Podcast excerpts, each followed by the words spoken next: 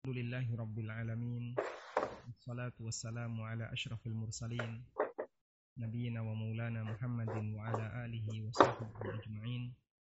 وأشهد أن لا إله إلا الله وحده لا شريك له وأشهد أن محمدا عبده ورسوله صلى الله عليه وعلى آله وصحبه وسلم تسليما كثيرا ثم أما بعد. Alhamdulillahirrabbilalamin Kembali di malam hari ini Kita melanjutkan kajian rutin Yang diselenggarakan oleh Rumah dakwah Paduka London. Dan insya Allah di kesempatan kali ini Kita masih membaca kitab fikih muyasar Di bab tentang sholat jamaah. Pada pertemuan terakhir yang telah kita baca adalah Pembahasan yang keempat Bima tudrakul jamaah kapan seseorang bisa dikatakan telah mendapatkan jamaah. Kemudian kita juga sudah membahas al-masalatul khamisah, pelajaran yang kelima, mayyu'dharu bitarkil jamaah, orang yang mendapatkan uzur untuk meninggalkan sholat jamaah. Dan kita sudah membaca dua uzur, atau kita sudah membaca satu uzur, yaitu uzur sakit. Orang yang mendapatkan uzur untuk sholat jamaah yang pertama adalah sakit. Baik, kita gunakan share konten seperti biasa. Nah. Bapak Ibu yang dimakan Allah Subhanahu wa taala, penulis menyebutkan tentang uzur yang membolehkan seseorang untuk tidak melaksanakan sholat jamaah. Kalimat ini menunjukkan bahasanya tidak melaksanakan sholat jamaah tanpa uzur termasuk di antara perbuatan yang tercela. Sehingga ulama membahas, uzur boleh meninggalkan sholat jamaah. Berarti kalau ada orang yang tidak sholat jamaah tanpa uzur, menunjukkan kalau itu adalah perbuatan yang tercela. Nah, penulis mengatakan, Yu'dharul muslimu bitarkil jama'ati fil ahwalit taliyah. Seorang muslim diberi uzur untuk meninggalkan salat jamaah karena beberapa kondisi berikut. Yang pertama adalah karena kondisi sakit. Sakit maradan yalhaquhu minhu masyaqqatun law dhahaba ilal jamaah. Sakit yang andekan itu dipaksa untuk berjamaah, maka orang akan mendapatkan kesulitan. Orang akan mengalami kesulitan. Mengalami kesulitan maksudnya gimana? Dia harus nanggung beban berat, kepala pusing, mungkin capek, dan seterusnya. Sehingga kalaupun dia memaksakan diri untuk hadir sholat jamaah, dia akan mengalami banyak kendala. Dan Allah Ta'ala berfirman, Laisa alal a'ma haraju wala alal maridi haraj nggak ada dosa bagi orang buta. Walal alal a'raj. Dan tidak ada dosa bagi al a'raj orang yang pincang. Wala alal marid. Dan juga tidak ada dosa bagi orang yang sakit. Kemudian selain itu Nabi Shallallahu alaihi wasallam juga pernah meninggalkan sholat jamaah tidak datang ke masjid pada saat beliau sakit sehingga beliau menyuruh Abu Bakar radhiyallahu anhu untuk menggantikan posisi beliau sebagai imam. Meskipun demikian, dulu para sahabat mereka sangat menjaga sholat jamaah. Sampai Ibnu Mas'ud radhiyallahu anhu mengatakan, "Walaqad ra'aituna wa ma yatakhallafu anha illa munafiqun qad ulima nifaquhu aw maridun." Aku teringat dulu, nggak ada orang yang dia meninggalkan sholat jamaah kecuali dia adalah orang yang munafik, yang jelas kemunafikannya atau dia orang yang sakit. Subhanallah. Sehingga di masa sahabat tidak hadir sholat jamaah itu langsung dititeni, langsung dikasih tanda munafik. Salah satu di antara standar orang baik di masa sahabat adalah hadir sholat jamaah lima waktu. Selama dia nggak ada uzur. Wa kadzalikal khaif al marad. Demikian pula orang yang takut akan tertular dengan penyakit.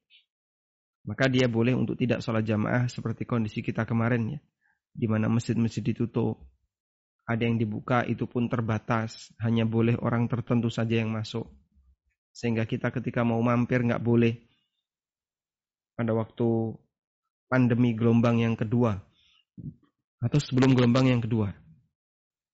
Uh, saya melakukan safar pulang kampung Masjid-masjid pinggir jalan nggak ada yang dibuka. Mau mampir ke mana tutup, tutup, tutup. Kecuali kalau yang di atas tol. Kalau di tol uh, baru dibuka. Kemudian kita beralih ke uzur yang kedua. Al-mudafi'u ahad al-akhbathain. Au man bihadri ta'am muhtajun ilai. Orang yang menahan keinginan untuk buang air. Atau makanan sudah dihidangkan. Berdasarkan hadis Aisyah radhiyallahu anha, tidak ada salat karena makanan sudah dihidangkan atau atau dia menahan keinginan untuk buang air. Baik hadas besar, baik buang air besar maupun buang air kecil. Maka disebut oleh Nabi SAW, yudafiul akhbathain dia menahan keinginan untuk dua buang air, dua khabath, yaitu buang air besar dan buang air kecil. Baik. Berdasarkan hadis ini, kita bisa mendapatkan pelajaran ya. Terkait hadis la salata Coba kita lihat hadisnya. La salata bihadrati ta'am. Tidak ada salat ketika makanan dihidangkan. Wala huwa yudafiul akhbathan. Tidak ada salat ketika makanan dihidangkan dan saat menahan ingin buang air. Kita tulis hadisnya la salata. Di sini maknanya tidak ada salat.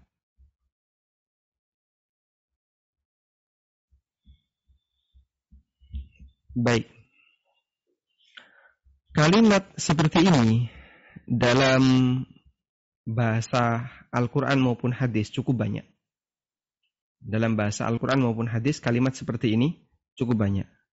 Tidak ada sholat, tidak ada haji, tidak ada nikah, la nikaha illa biwaliyin, tidak ada nikah kecuali dengan wali. Dan seterusnya. Bahkan termasuk dalam masalah iman. La yu'minu ahadukum. Kalian tidak beriman. Baik. Apa makna tidak ada sholat? Kata la yang secara bahasa artinya tidak ada. Ini memiliki tiga tingkatan makna. Ada tiga tingkatan makna. Apa saja itu? Satu adalah nafyul wujud. Tidak ada bentuk fisik. Fisiknya nggak ada. Nafyu al-wujud. Yang pertama adalah nafyul wujud. Tidak ada bentuk fisiknya. Sehingga la solata, makna yang pertama adalah tidak ada fisik solat. Sudah? Yang kedua, mana yang kedua adalah tidak sah status. Tidak sah status sehingga tidak diakui. Artinya nafyu as-sihhah. Nafyu sihhah. Tidak sah status salat. Wujudnya ada tapi nggak diakui. Nah, yang ketiga adalah tidak sempurna. Tidak sempurna. Nafyul kamal. Nafyu al-kamal. Tidak sempurna. Baik. Sehingga la solata artinya tidak sempurna solatnya. Nah, yang jadi pertanyaan, Terus dari tiga makna ini, mana yang lebih mendekati? Karena ada tiga kemungkinan makna. Kalimat la titik-titik itu ada kemungkinan, tiga kemungkinan makna. Tidak ada fisiknya, tidak sah statusnya, tidak sempurna. Baik. Kalau tidak ada fisiknya, berarti sama sekali berarti sama tidak melakukannya, sama sekali tidak melakukannya. Kalau tidak ada fisiknya, berarti sama sekali tidak melakukannya. Kalau tidak sah, berarti fisiknya ada tapi tidak diakui secara syariat. Kalau tidak sempurna, dia sah, diakui, tapi nggak sempurna. Sudah? Yang paling ringan berarti yang mana? Yang paling ringan. Satu, dua, atau tiga?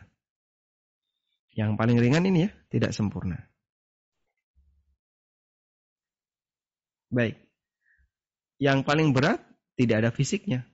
Nah, sekarang ada orang yang sholat. Sambil menahan ingin buang air. Pertanyaannya, sholatnya orang ini ada atau tidak? Ada. Terbukti dia sholat. Kelihatan dia melaksanakan kegiatan sholat. Pertanyaan yang kedua, sah ataukah tidak? Nah, berdasarkan hadis ini, la salata, maka sebagian ulama memaknai tidak sah. sebagian ulama memaknai tidak sah, sehingga status sholat itu adalah sholat yang batal. Dan sebagian ada yang memaknai la salata itu adalah tidak sempurna. sehingga sholatnya tetap sah. Karena itu kalimat la salata la salata ulama beda pendapat. Ya. Ulama beda pendapat. Sebagian ulama mengatakan tidak sah. Tidak sah salatnya. Yang kedua, yang pendapat yang kedua mengatakan tidak sempurna. Tidak sempurna sholatnya. Ya? Sehingga hadis la sholata bihadrati ta'am tidak sholat bagi orang yang makanan sudah dihidangkan. Ada yang mengatakan itu tidak sah. Dan ini pendapat Syekhul Islam Ibnu Taimiyah. Dan ada yang mengatakan sholatnya sah tapi tidak sempurna. Karena pikirannya terganggu. Sehingga sholatnya masih sah. Baik, ada khilaf dalam masalah ini. Berdasarkan tiga tingkatan makna yang tadi kita bahas ya, bahwasanya kata la dalam dalam dalil itu memiliki tiga kemungkinan ini dan ini dipahami secara hierarki. Pada asalnya tidak ada fisik. Kalau fisiknya ada, dibawa kepada tidak ada, tidak sah statusnya. Kalau masih mungkin kan dimaknai sah, maka baru dibawa kepada makna tidak sempurna. Baik. Dan ulama beda pendapat. Apakah sholat dalam posisi menahan buang air itu sah atau tidak? Sholat dalam posisi makanan sudah dihidangkan sah atau tidak? Selanjutnya, pendapat mana yang lebih kuat? Wallahu ta'ala alam. Jika sampai pada tingkatan orang itu jadi sama sekali nggak fokus dengan sholatnya, maka pendapat yang lebih kuat adalah tidak sah. Tidak sah sholat seseorang yang dia menahan keinginan untuk buang air sampai hilang semua fokusnya ketika sholat. Ya, sampai dia lupa jumlah rokaat, sampai ketika sujud baca doa rukuk, ketika rukuk baca doa sujud. Saking pengennya untuk buang air. Tapi dia tahan semaksimal mungkin. Nah, di posisi ini sholatnya tidak sah. Wallahu alam. Selanjutnya, tidak ada sholat bihadrati ta'am. Tidak sah sholat tidak sah sholat ketika makanan dihidangkan. Makanan dihidangkan. Tidak sah salat ketika makanan dihidangkan. Baik. Ulama memberikan syarat dalam hal ini bahwa hadis ini jadi dalil orang boleh menunda sholat dalam rangka untuk makan. Ini dalil boleh menunda sholat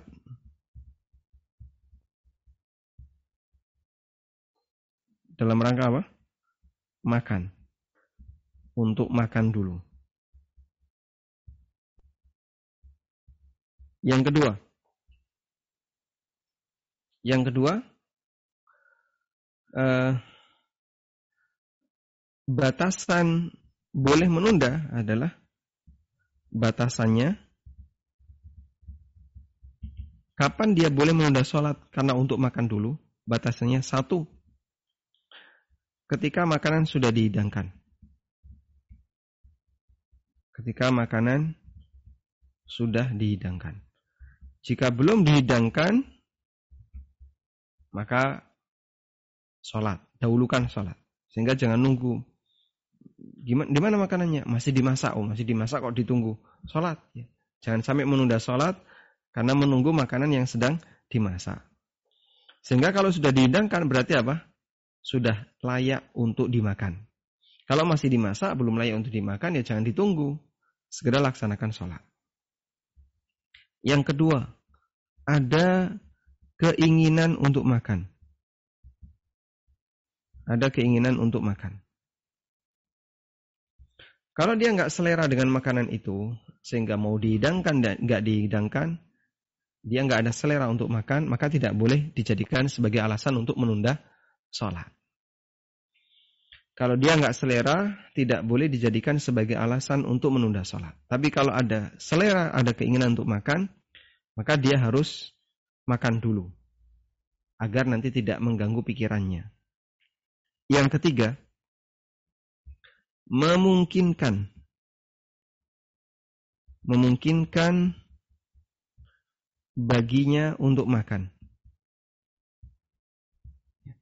Kalau tidak memungkinkan, ya, maka tidak boleh dijadikan sebagai alasan untuk menunda sholat. Jadi tiga batasan ini adalah berbicara batasan kapan makanan dihidangkan itu boleh dijadikan sebagai alasan untuk menunda sholat. Nah, batasannya tiga ini. Makanan itu sudah dihidangkan. Yang kedua, ada keinginan untuk makan, ada selera untuk makan. Yang ketiga, memungkinkan baginya untuk makan. Contoh tidak memungkinkan gimana Pak? Contoh ya, ada orang menuju masjid. Dalam posisi lapar, dia ingin makan. Ketika berjalan menuju masjid, lewat warung Padang, wah, tercium bau wah tunjang.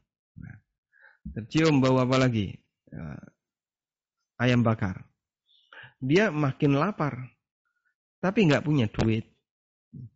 Terus gimana? Apa bengong di depan warung? Ataukah tetap lanjut sholat? Ya tetap lanjut sholat. Lu kenapa? Dia kan tidak memungkinkan untuk makan yang duit nggak bawa duit atau dia nggak punya uang. Nah kalau dia bengong saja ngapain coba? Toh dia juga nggak bisa makan, dia nggak punya uang. Sehingga di posisi ini ketika mau nunda dan nggak nunda sama saja maka dia tidak boleh nunda, harus tetap berangkat. Contoh yang lain, ada orang mau berangkat sholat asar, makanan sudah dihidangkan, siap, anget kebul-kebul ya, dan dia sudah lapar sekali, ingin makan. Terus dia tunggu. Loh kenapa kok ditunggu gak makan-makan? Puasa. Oh lagi puasa kayak gini. Ya sholat asar dulu. Nah ini makanan sudah didangkan. Tapi kan tidak memungkinkan bagi kamu untuk makan. Meskipun kamu ada keinginan untuk makan. Tapi nggak memungkinkan bagi kamu. Karena kamu lagi puasa. Ini tiga batasannya. Dan ada satu batasan lagi. Tidak dijadikan sebagai rutinitas tidak jadi rutinitas. Ya. Maksudnya tidak jadi rutinitas bagaimana Pak? Kalau bahasa Jawa namanya jarak ya. Tahu jarak? Gunung itu ngerti jarak? Jarak. Goda. Uh, sengaja ya. Sengaja. Jangan kemudian secara sengaja setiap kali mau sholat pasti menghidangkan makanan. Ini kok makanan dihidangkan setiap kali mau sholat. Wah ini jarak ini namanya ya. Menyengaja untuk melakukan seperti itu sehingga dia bukan uh, fenomena yang sifatnya kasuistik atau kondisi tertentu tapi tiap saat seperti itu. Nah, kalau tiap saat seperti ini maka dia dikasih hukuman dengan tetap suruh berangkat agar tidak jadi rutinitas. Wallahu a'lam. Baik, selanjutnya.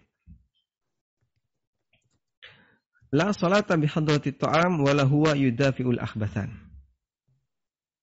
Wala yudafi'ul akhbathan.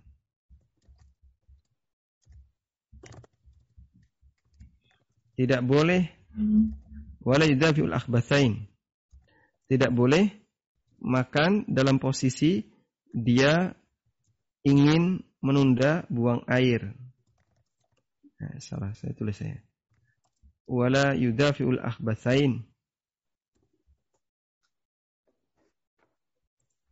Afwan. Akhbathain. Baik. Tidak boleh menahan eh, tidak boleh menunda, eh, tidak boleh melaksanakan sholat di posisi dia ingin buang air. Di sini ada dua akhbath, yaitu buang air besar dan buang air kecil. Baik. Jika dorongan kuat, tapi nekat sholat, tapi nekat sholat, pendapat yang benar batal dorongannya kuat, pengen harus dikeluarkan segera. Tapi dia nekat nekat sholat, maka ini bisa batal. Yang kedua, jika dorongan ringan, maka tidak batal. Dan insya Allah selama orangnya masih bisa khusyuk dalam sholat, dia mendapatkan pahala dari itu. Dan hindari celah setan, celah godaan, celah godaan setan, yaitu apa? Selalu ke toilet saat sholat. Saat waktu sholat.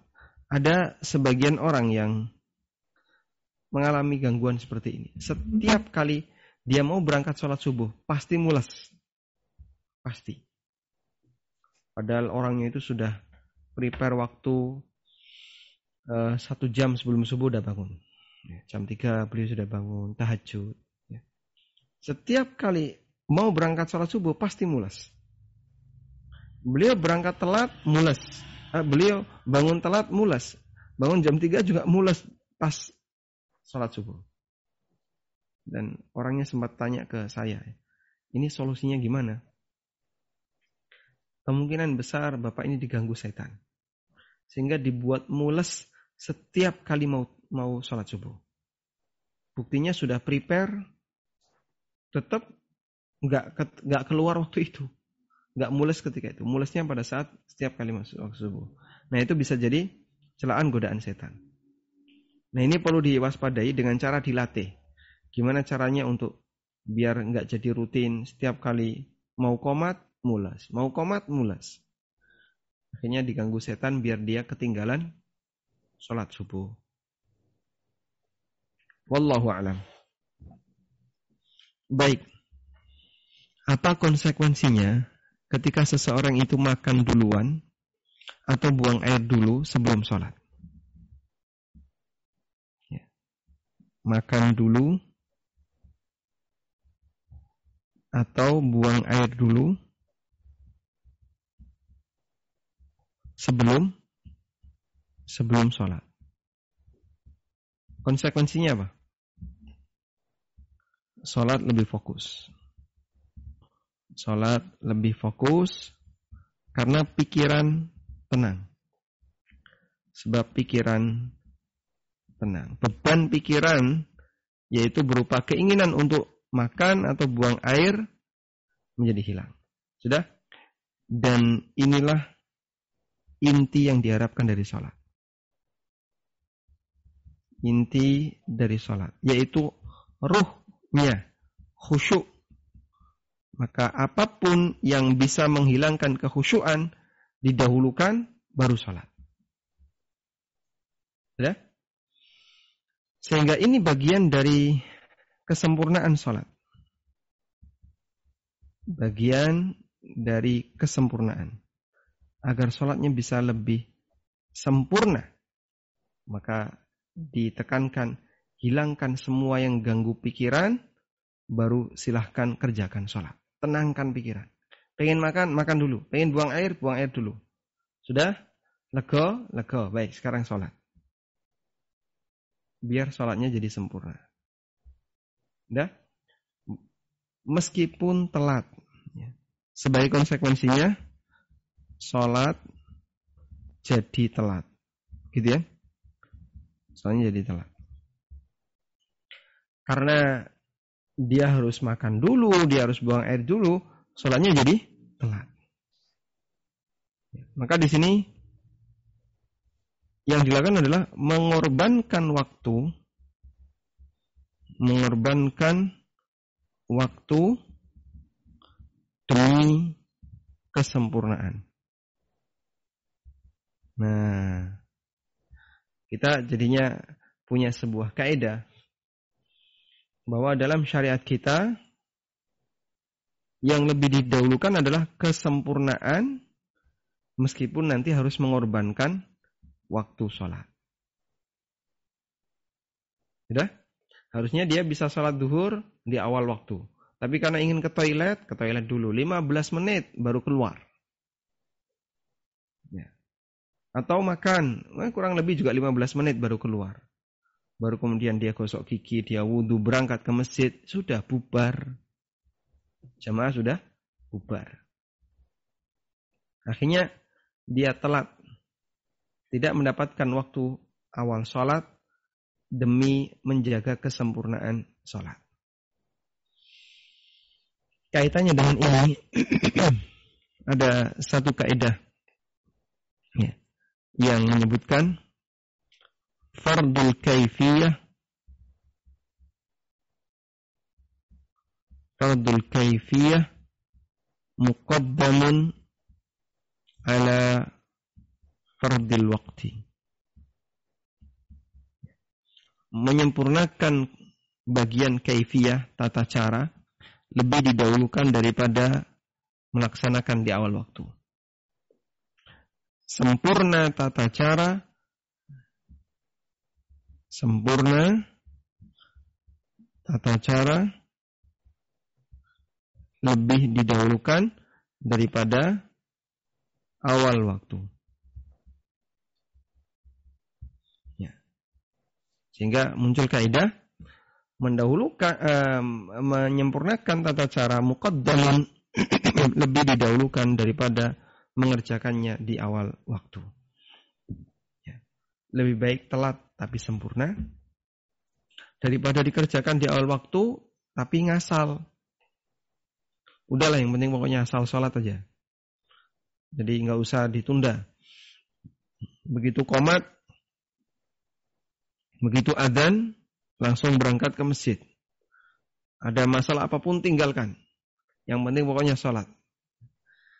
Ya kalimat ini memang kita bisa nilai tidak mutlak benar. Ya. Kalau memang ada yang mengganggu, selesaikan. Selesaikan yang mengganggu itu, baru setelah itu silahkan kerjakan sholat. Nah, ada satu pernyataan yang pernah disampaikan oleh seorang ulama. Coba kita buka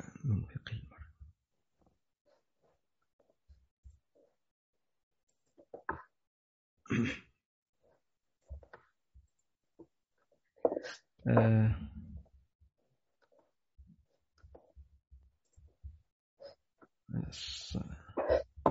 Ada satu pernyataan ya. Coba.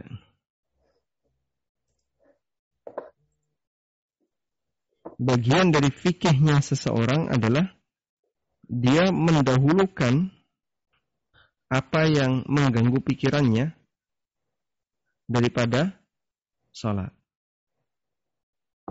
Saya lupa ini perkataan saya.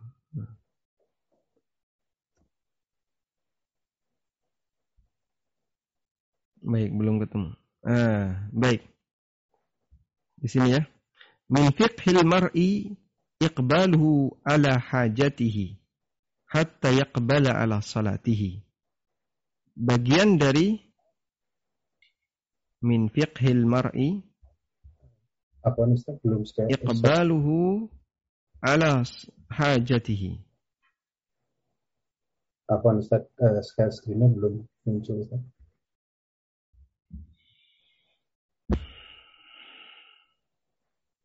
Nah, perkataan Ibnu Umar radhiyallahu anhu.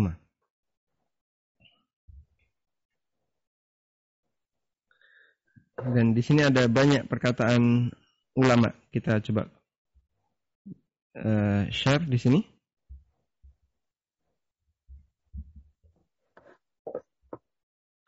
Ada keterangan yang disampaikan oleh Anas bin Malik. Idza uqimatis salah wa hadaral asya fabda'u bil asya. Apabila salat sudah dikumandangkan iqamah, sementara makan malam dihidangkan, dahulukan makan malam. Dalam riwayat yang lain dari Abdullah bin Umar radhiyallahu anhu Idza wudi'a asya'u ahadikum wa uqimatis salah. Apabila makanan sudah dihidangkan. Sementara komat sudah dikumandangkan. Fabda'u bil asya. Maka dahulukan makan malam. Wala ya'jal hatta yafrugha minhu. Jangan buru-buru sampai kau selesai. Wa kana Ibnu Umar dan Ibnu Umar beliau pernah melakukan yudaulahu ta'am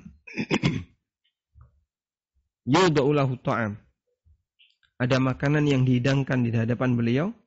Wa tuqamus salah. Sementara salat sudah dikumandangkan iqamah. Fala ya'tiha hatta yafrugha. Maka beliau tidak berangkat menuju masjid sampai beliau menyelesaikan makanan itu. Wa innahu dan Ibnu Umar la yasma'u qira'atal imam beliau mendengar bacaan imam saat makan. Beliau mendengar bacaan imam. Hadisnya riwayat Bukhari. Nah, juga ada sebuah pernyataan min fiqhil mar'i Ibnu Umar pernah mengatakan atau di sini ada pernyataan min fiqhil mar'i iqbaluhu ala hajatihi. Bagian dari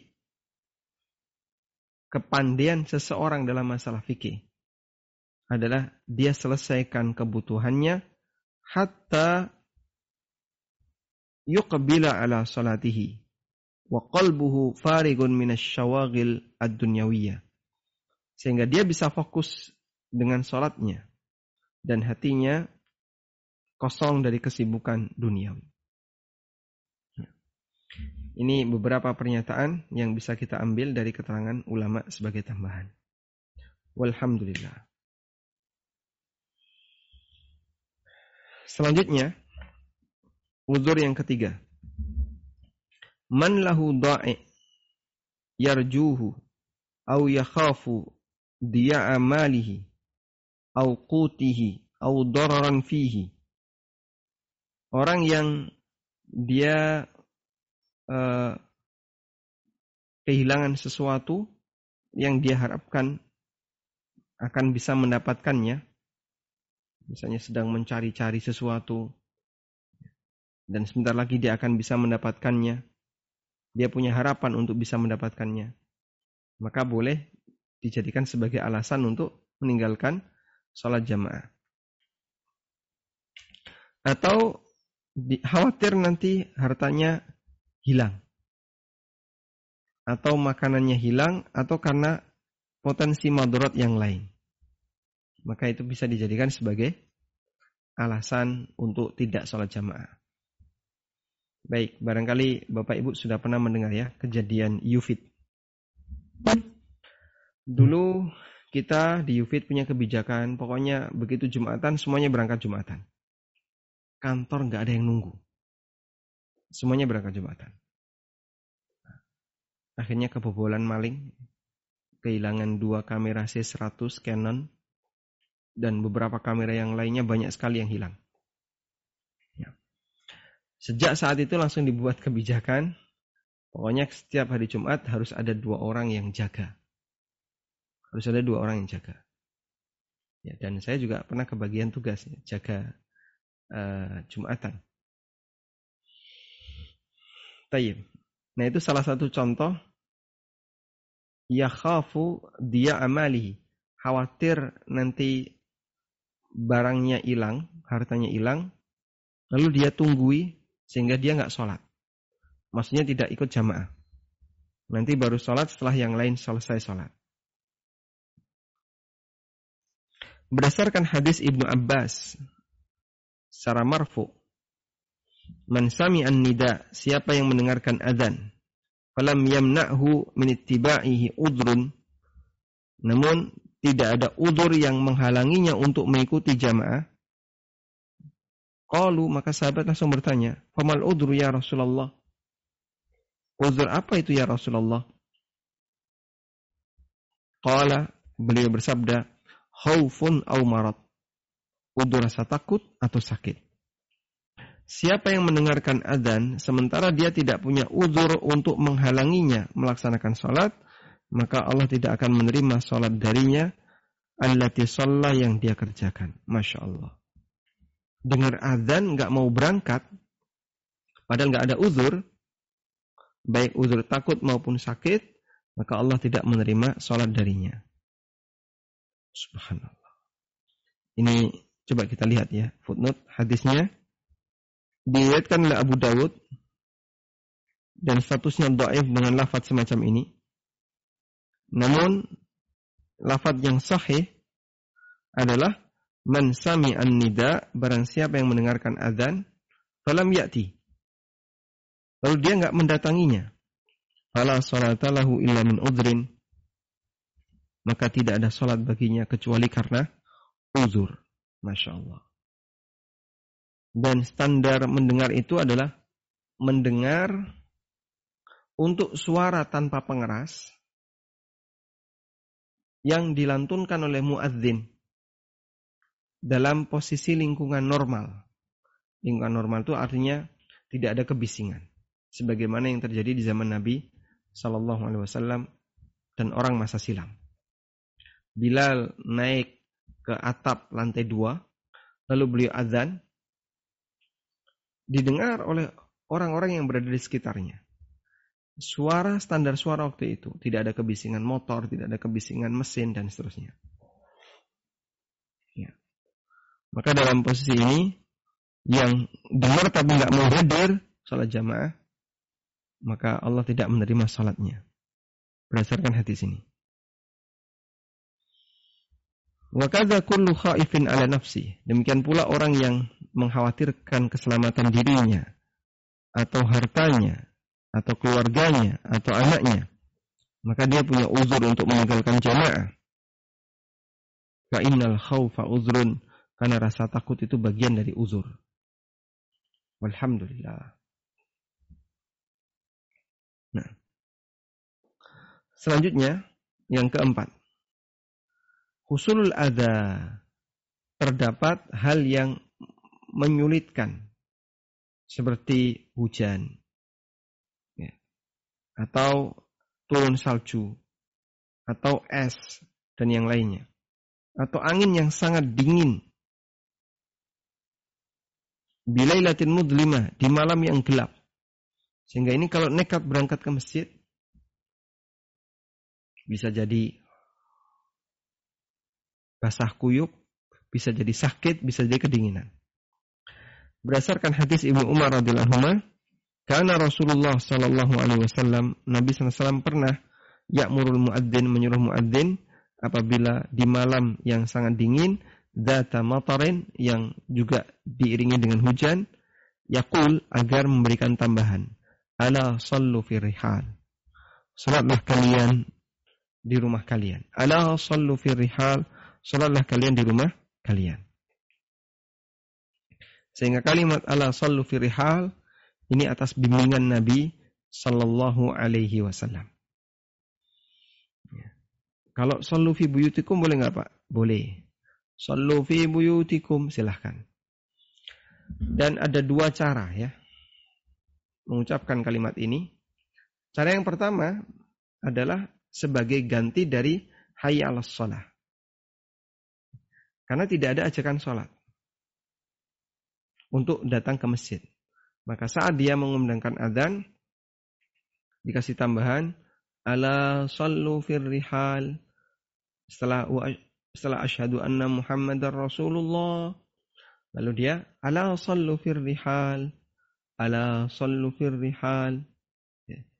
sehingga diulangi dua kali untuk memberikan peringatan kepada masyarakat agar mereka sholat di rumah masing-masing. Atau cara yang kedua, Bismillah.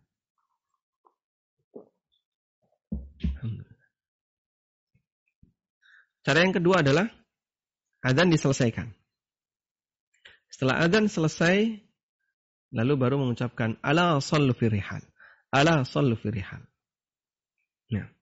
Atau sallu fi buyutikum, sallu fi buyutikum. Selanjutnya yang kelima. Hmm. Pak, kalimat ini kan sallu fi buyutikum atau Allah sallu fi rihal. Apa masyarakat kampung paham? Wongin pakai bahasa Arab. Ya kalau masyarakatnya nggak paham ya selesai azan dikasih pengumuman monggo sedaya salat griya mawon masjidnya dikunci. Nah. Boleh. Yang yang penting pokoknya memahamkan bagi mereka. Karena tujuannya adalah memberitahu agar mereka sholat di rumah masing-masing. Yang kelima, husulul masyakkah bitatwilil imam. Imamnya terlalu panjang bacaannya sampai dia merasa keberatan. Ini bisa dijadikan sebagai uzur untuk tidak jamaah. Di situ jangan. Kenapa? Dia kalau sholat isya itu Masya Allah. Dia membaca satu juz. Wah, jadi orang merasa berat. Karena ada orang yang sholat di belakang Mu'ad bin Jabal radhiyallahu anhu. Suman farada lalu dia menyendiri. Mufarokoh. Dia sholat sendiri karena Mu'ad terlalu panjang imaminya. Membaca surat Al-Baqarah. Dan Nabi SAW tidak mengingkari pemuda ini. Meskipun beliau sudah mendengarkan beritanya. Nah, yang keenam, khawatir ketinggalan rombongan ketika safar. Karena ini bisa menyebabkan hatinya jadi tidak fokus dan tadharal jamaah ketika menunggu jamaah. Au dakhala atau ketika sholat sudah dimulai. Dikhawatirkan akan uh, makhafatan dia iwa fawati rufqatihi. Karena dia khawatir nanti nggak bisa membaringi rombongannya. Yang ketujuh, al-khawfu min mauti qaribihi wa huwa ghairu hadirin ma'hu. Di antara udur yang lain yang boleh meninggalkan sholat jamaah adalah dia takut nanti kalau ditinggal sholat kerabatnya akan mati. Ya, misalnya nungguin bapaknya atau nungguin ibunya atau nungguin kakeknya atau neneknya. Nungguin apa? Ini orangnya lagi mau sekarat. Saya harus talkin wa huwa ghairu hadirin ma'ahu sehingga kalau dia sholat nanti dia nggak hadir saat orang ini mati ya, begitu pulang dari masjid sudah mati pak nah, sedih dia tadi kenapa saya nggak tunggu sebentar untuk mentalkin dia misalnya kerabatnya mendekati kematian dan dia ingin untuk mentalkinya dengan atau yang lainnya, maka orang ini punya uzur untuk meninggalkan sholat jamaah. Masya Allah. Ya. Yang kedelapan, ini ada sedikit yang aneh ini. Uzur boleh meninggalkan sholat jamaah yang kedelapan. Ya, mungkin nanti bisa ditanyakan ke asatidah yang lain, tapi ini ada di buku Fikir Miyasar. Di antara uzurnya adalah mempertahankan gorimin lahu, nakih utang. wala syai'a ma'hu yaqdihi. Sementara tidak ada yang bisa dipakai untuk melunasi. Falahu tarkul jama'ah lima yulhikuhu minal adiyah bimutalabatil gharim wa mulazamatihi iya. Maka dia boleh meninggalkan sholat jamaah karena ada uh, tekanan berupa gorim yang minta pelunasan utang. Wa mulazamatuhu iya dan terus-terusan nungguin terus. Baik. Jadi termasuk di antara udur jamaah adalah ada debt collector nungguin di depan. Kita mau keluar sholat jamaah diadang. Nggak boleh. Pokoknya bayar dulu baru kamu boleh keliaran ke mana-mana. Itu bisa dijadikan sebagai udur sholat jamaah. Wallahu alam. Walhamdulillahirabbil alamin. Selesai untuk delapan udur sholat jamaah. Semoga bisa dipahami dengan baik. Wassallallahu ala nabiyina Muhammadin wa ala alihi wa sahbihi wasallam. Uh, apa ini sudah ada beberapa uh, pertanyaan yang masuk ke kami. Saya bisa share screen ini Ustaz. Tafadhal. Bismillahirrahmanirrahim. Bismillah, Assalamualaikum Ustaz. Uh, izin bertanya, bagaimana jika sholat berjamaah dipisah oleh jalan kampung untuk lalu lalang? Misal rumah saya di depan masjid, saya sholat di teras mengikuti imam di masjid sedangkan jamaah tidak penuh. Boleh atau tidak Ustaz? Mohon penjelasan. Waalaikumsalam warahmatullahi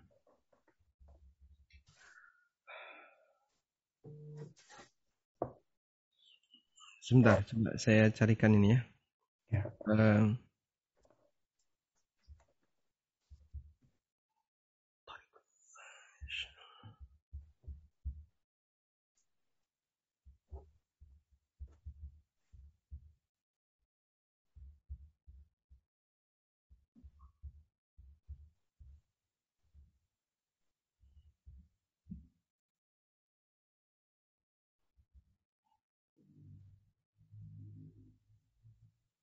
Nah ini ada beberapa fatwa yang bisa kita jadikan sebagai acuan ya.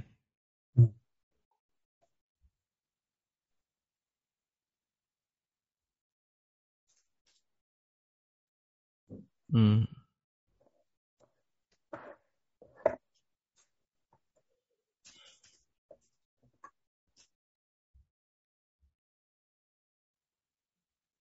Baik, coba saya bacakan di sini.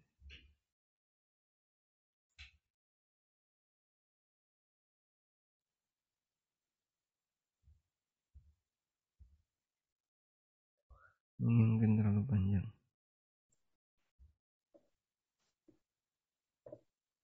Nah, ini ada satu web ya, judulnya alimam.ws. Dan setahu saya di web ini ada Syekh Saleh Al-Syekh. Hafizahullah Ta'ala. Ada penjelasan. Wa amma idza kana bainahuma ha'il. Apabila ada uh, pembatas antara imam dengan makmum. Yamna'ur ru'yah wal istitrak. Yang menyebabkan dia terhalangi untuk bisa melihat ke arah makmum depannya. Wal istitrak juga terhalangi untuk bisa menuju ke arah makmum itu. Misalnya tembok nutup Fafihima iddatu akwalin. Maka di sana ada beberapa pendapat dalam madhab Ahmad dan yang lainnya. Kila ada yang mengatakan yajuz, boleh. Wakila la yajuz, dan ada yang mengatakan tidak boleh. Wakila dan ada yang mengatakan yajuzu, boleh jika dalam satu masjid, tapi dilarang untuk yang lain. Ada yang mengatakan boleh karena ada kebutuhan. Tapi kalau nggak butuh nggak boleh. Sehingga ada khilaf dalam masalah ini terkait al istid uh, terkait apa? Salat imam dan makmum, tapi di situ ada pembatas. Kemudian di sini ada keterangan Syekhul Islam Ibnu Taimiyah rahimahullah. Wa amma salatul ma'mum khalfal imam kharijal masjid. Makmum yang salat di belakang imam di luar masjid atau di dalam masjid wa bainahuma ha'il tapi ada dinding antara makmum dengan imam. Fa in kanat sufufun muttasilah jaza bittifaqil a'imma. Kalau softnya nyambung, boleh dengan sepakat ulama. Sehingga Anda sholat di teras rumah tadi ya. Tapi softnya nyambung. Jadi saking banyaknya, sampai jamaah itu luber, lubernya itu sampai berada di sekitar teras Anda. Lalu Anda sholat di teras itu. Ulama sepakat boleh. Wa in kana bainahuma tariqun aw nahrun tajri. Tapi kalau ada pemisah berupa jalan atau sungai yang mengalir eh, eh, aw nahrun tajri fihi sufun atau sungai yang dilewati oleh perahu. Fafihi qaulani ma'rufan, maka ada dua pendapat yang ma'ruf yang diriwayatkan dari Imam Ahmad. Yang pertama mengatakan dilarang seperti pendapat Abu Hanifah dan yang kedua boleh seperti pendapat Asy-Syafi'i. Sehingga dalam kasus ini kalau posisi Anda sholat di teras, depannya ada jalan, di situ baru masjid. Sebagian ulama mengatakan sah, sebagian ulama mengatakan tidak sah. Wallahu alam. Kurang lebih seperti itu.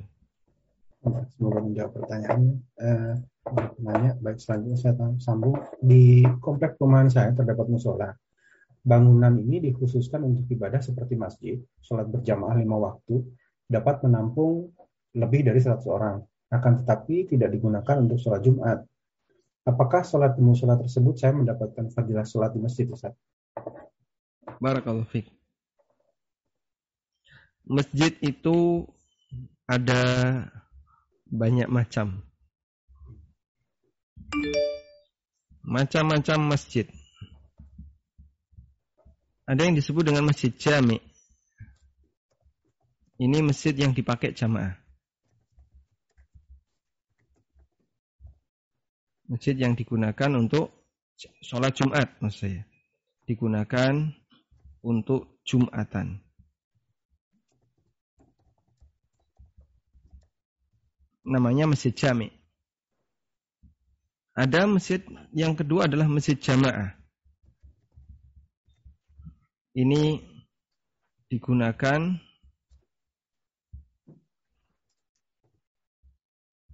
untuk sholat jamaah,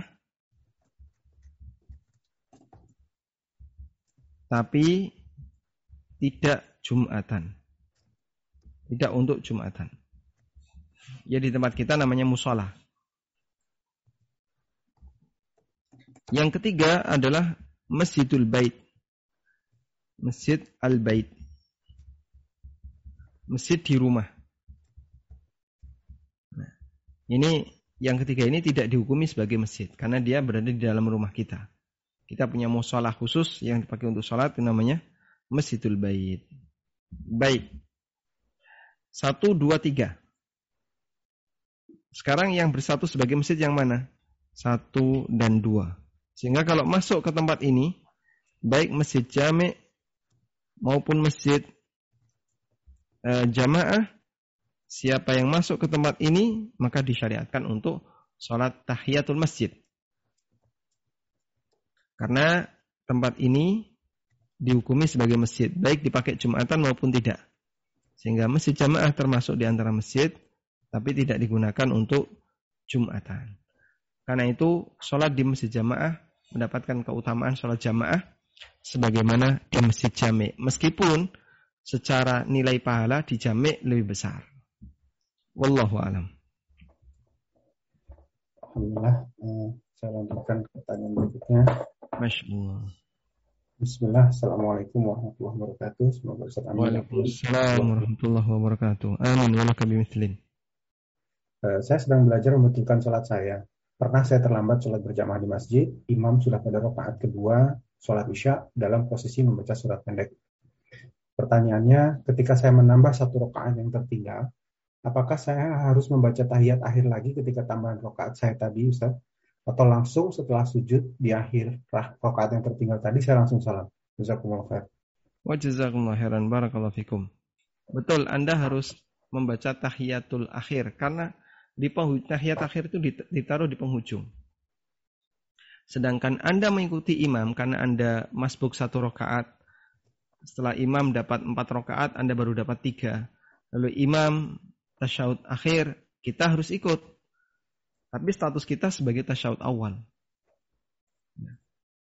Karena dalam rangka mengikuti imam. Lalu nanti nambah satu rakaat tasyahud lagi. Tasyahud di ujung, di paling akhir. Wallahu alam.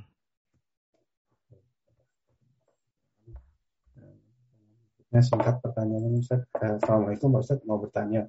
Jika dalam berjamaah, imam batal, bagaimana menentukan dan susunan pengganti imam di barisan syaf terdepan ini? Waalaikumsalam warahmatullahi wabarakatuh. Ideal yang disampaikan Nabi SAW orang yang berada di belakang imam adalah orang yang secara kemampuan agamanya uh, cukup bagus. Nabi Shallallahu Alaihi Wasallam pernah bersabda dalam hadis dari Ibnu Mas'ud radhiyallahu anhu, beliau mengatakan, liyalini minkum ulul ahlami wan nuha. Agar yang berada di belakangku di antara kalian adalah yang paling pintar. Ulul ahkami wan nuha. Yang paling pintar, yang paling cerdas. Maksudnya adalah sahabat yang senior-senior. Ya.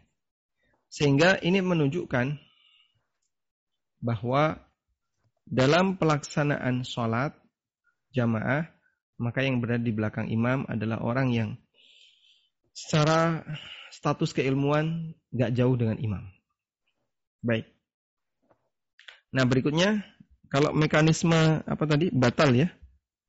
Coba di imamnya batal. Ini yang pertanyaan Share kontennya atau diulang mbak?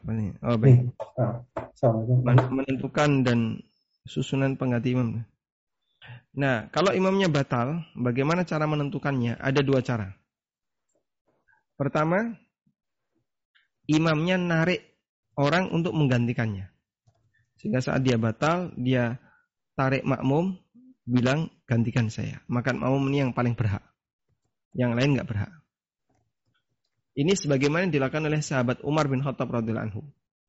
Pada waktu beliau ngimami salat subuh, ditusuk oleh Abu Lu'lu' al-Majusi Sampai akhirnya Umar jatuh.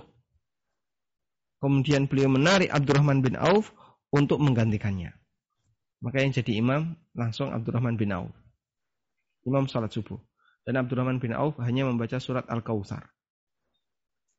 Ini sejarah salat subuh yang paling pendek di masa sahabat. Kalau di tempat kita ya sudah biasa ya. Di masa sahabat, Masya Allah ya. Karena ada situasi genting seperti itu, beliau membaca surat Al-Kautsar. Ini cara yang pertama. Cara yang kedua, pada waktu imam batal dan dia nggak nunjuk siapa pun, nggak nunjuk siapa pun, imam diam saja. Maka masing-masing sholat melanjutkan sholat sendiri-sendiri. Masing-masing melanjutkan sholat sendiri-sendiri. Ini berdasarkan riwayat dari Muawiyah radhiyallahu anhu saat beliau ditusuk oleh orang Khawarij, Muawiyah jatuh.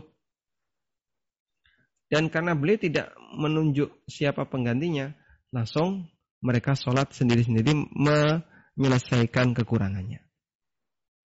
Nah, sehingga di sini jamaah dimulakan Allah Ta'ala. Apabila imam itu batal, idealnya narik makmum satu. Silahkan gantikan aku. Agar nanti sholat jamaah tetap berkelanjutan dan tidak berhenti di tengah. Atau apalagi mereka sholat sendiri-sendiri. Wallahu alam.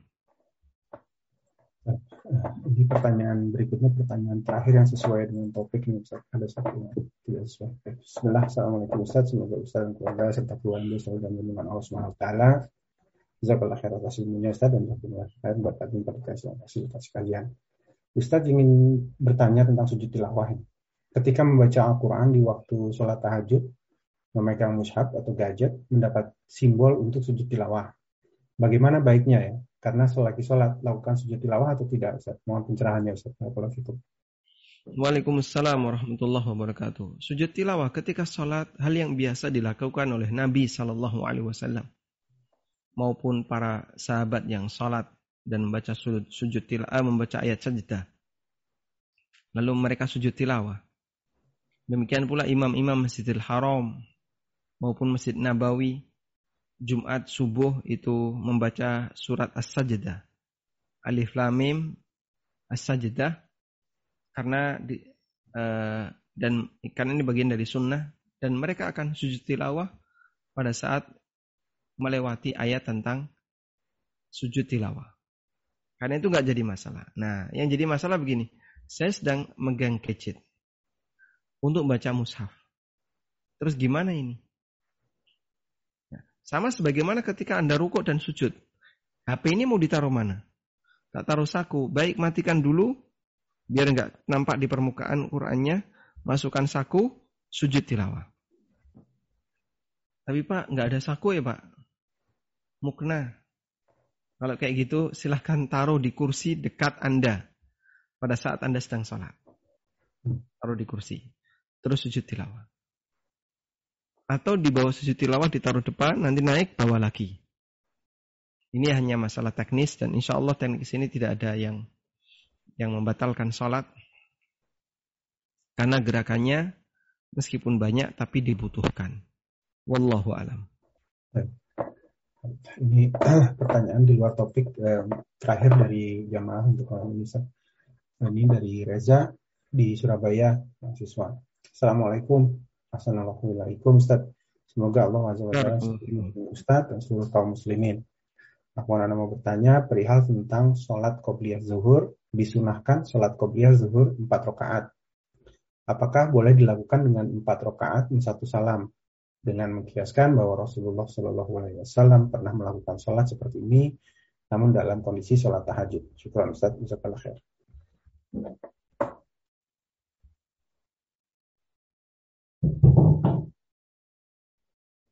Baik. Apakah diperbolehkan sholat duhur empat rakaat sebelum qabliyah duhur empat rakaat ya dengan sekali salam?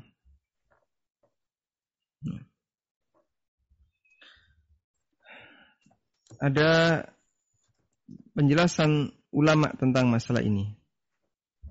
Coba kita buka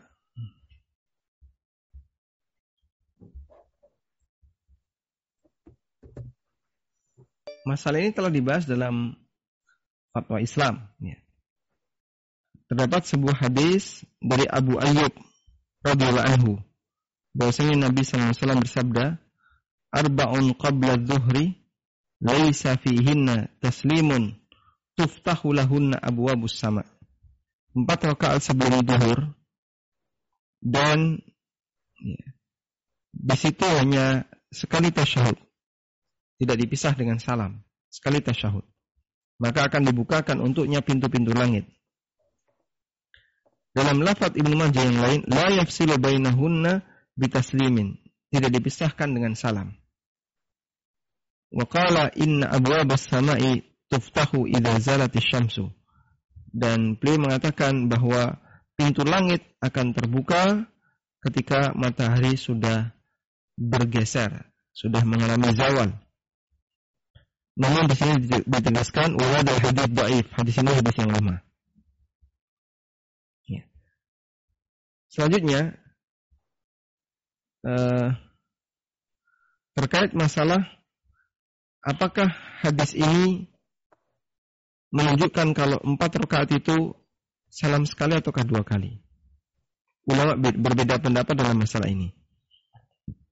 Ada yang mengatakan dua salam ke kanan dan salam ke kiri. Ada yang mengatakan yang dimaksud taslim sini adalah duduk tasyahud di rakaat yang kedua. Baik.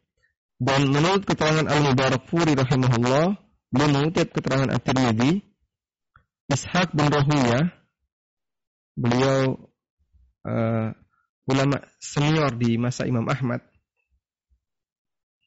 Kata Tirmidzi yang dipilih oleh Ishaq bin Rahuyah, Allah yufassal fil arba qabla al-asri.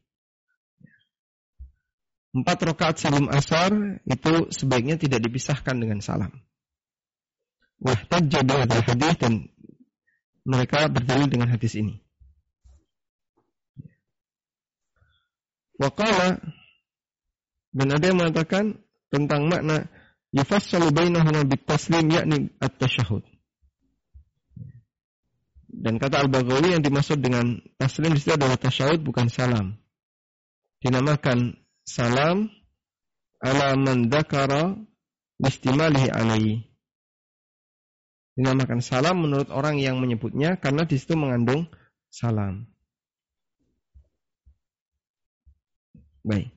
Kesimpulannya, wallahu taala alam, hukum asalnya salat sunnah baik siang maupun malam itu hukum asalnya dilakukan dua rakaat salam, dua rakaat salam berdasarkan keumuman sabda Nabi SAW, berdasarkan makna umum dari sabda Nabi SAW, salatul laili matna matna. Salat malam itu dikerjakan dua salam, dua salam. Wallahu alam. Pertanyaan dari jemaah sudah habis malam ini, Ustaz. Alhamdulillah.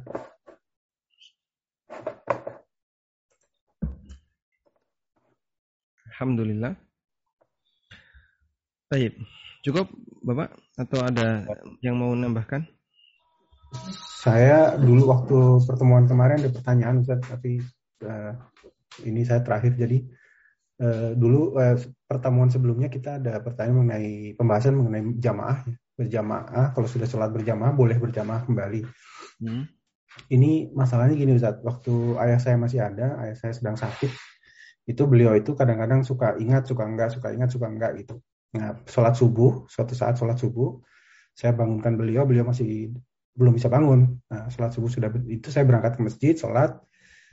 Begitu saya pulang, ternyata beliau sudah selesai berwudu dan menunggu, menunggu saya untuk untuk menjadi imam gitu. Itu boleh nggak Ustaz? Saya waktu itu ya akan dipanggil ayah, kamu sini apa dalam keadaan itu ya saya e, berdiri untuk jadi imam gitu Ustaz. Pada saat itu itu gimana boleh Ustaz? Sadar tidak, sadar tidak gitu ya? Ya, jadi karena Sad, ya kalau hilang hilang akal atau sifatnya hilang Enggak, bisa jadi uh, sulit sulit dibangunkan dan kadang-kadang kalau dalam keadaan sakit itu susah untuk ingat uh, sequence gitu. Jadi kadang-kadang dua rakaat, satu rakaat udah salam gitu, kadang udah lupa gitu. Karena kalau sedang sedang sakit kadang-kadang suka suka lupa, tapi kalau sedang sehat sih nggak apa-apa. Wallahu alam nampaknya kalau kondisinya seperti itu belum sampai pada tingkatan hilang akal ya, seperti orang ya. pikun. Ya. Sehingga karena belum sampai ke di posisi hilang akal, artinya belum pikun, maka tetap wajib sholat. Dan solusinya ya tadi, berarti di diimami oleh yang lain agar beliau jadi makmum kan lebih ringan. Tinggal diam aja, insya Allah sah sambil membaca Al-Fatihah Hmm. Cukup itu nanti rukuk sujud ikuti aja. Ya. Karena jadi makmum itu lebih ringan. Jika ada yang kurang, maka imam yang menjadi penambalnya, penambal kekurangannya. Wallahu kalau, a'lam. Kalau sebagai imam gitu boleh dua kali, Ustaz. Karena saya sudah jadi makmum di masjid. Boleh dua kali, sebagaimana Mu'ad bin Jabal radhiyallahu anhu boleh sholat di Masjid Nabawi bersama Nabi SAW. Lalu pulang ke kampungnya dan beliau sholat lagi. Jadi imam bagi masyarakat kampungnya. Tapi muat terlalu panjang, baca surat Al-Baqarah, baca Ali Imran.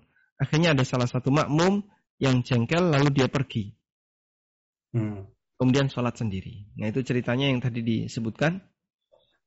Dan itu bisa dijadikan sebagai udur untuk tidak sholat jamaah. Imamnya terlalu panjang kalau sholat. Maka kita boleh sholat sendiri. Ya. Wallahu a'lam.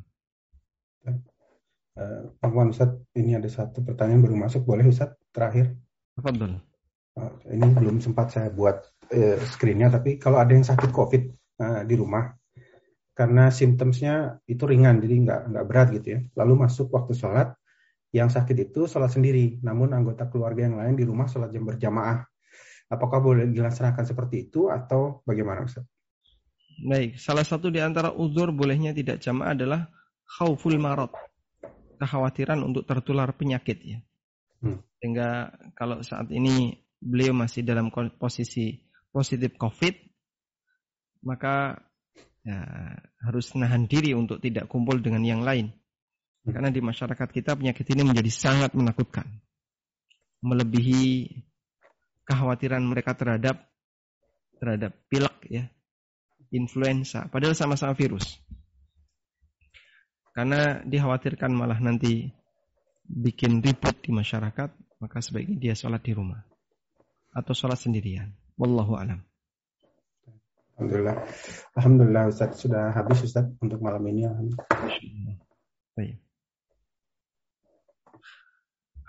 Baik, alhamdulillahirabbil alamin. Kita memohon kepada Allah Subhanahu wa taala semoga Allah berikan kita ilmu yang bermanfaat. Allahumma anfa'na bima 'allamtana wa 'allimna ma yanfa'una warzuqna ilma. Wa sallallahu ala nabiyyina Muhammadin wa ala alihi wa sahbihi wa sallam. Wa akhiru da'wana alhamdulillahi rabbil alamin. Wassalamualaikum warahmatullahi wabarakatuh. Waalaikumsalam warahmatullahi wabarakatuh. Alhamdulillah, terima kasih Ustaz. Jazakallah khair uh, Ustaz dan tim. Insya Allah kita bertemu kembali di kajian selanjutnya. Dari kami pengurus, uh, mohon maaf jika ada kekurangan dan kesalahan. Sebelum kita tutup, mari kita bersama-sama membaca kafaratul majlis. Subhanaka Allahumma wa bihamdika. Asyhadu an la ilaha illa anta astaghfiruka wa atubu ilaik. Barakallahu fikum. Wassalamualaikum warahmatullahi wabarakatuh.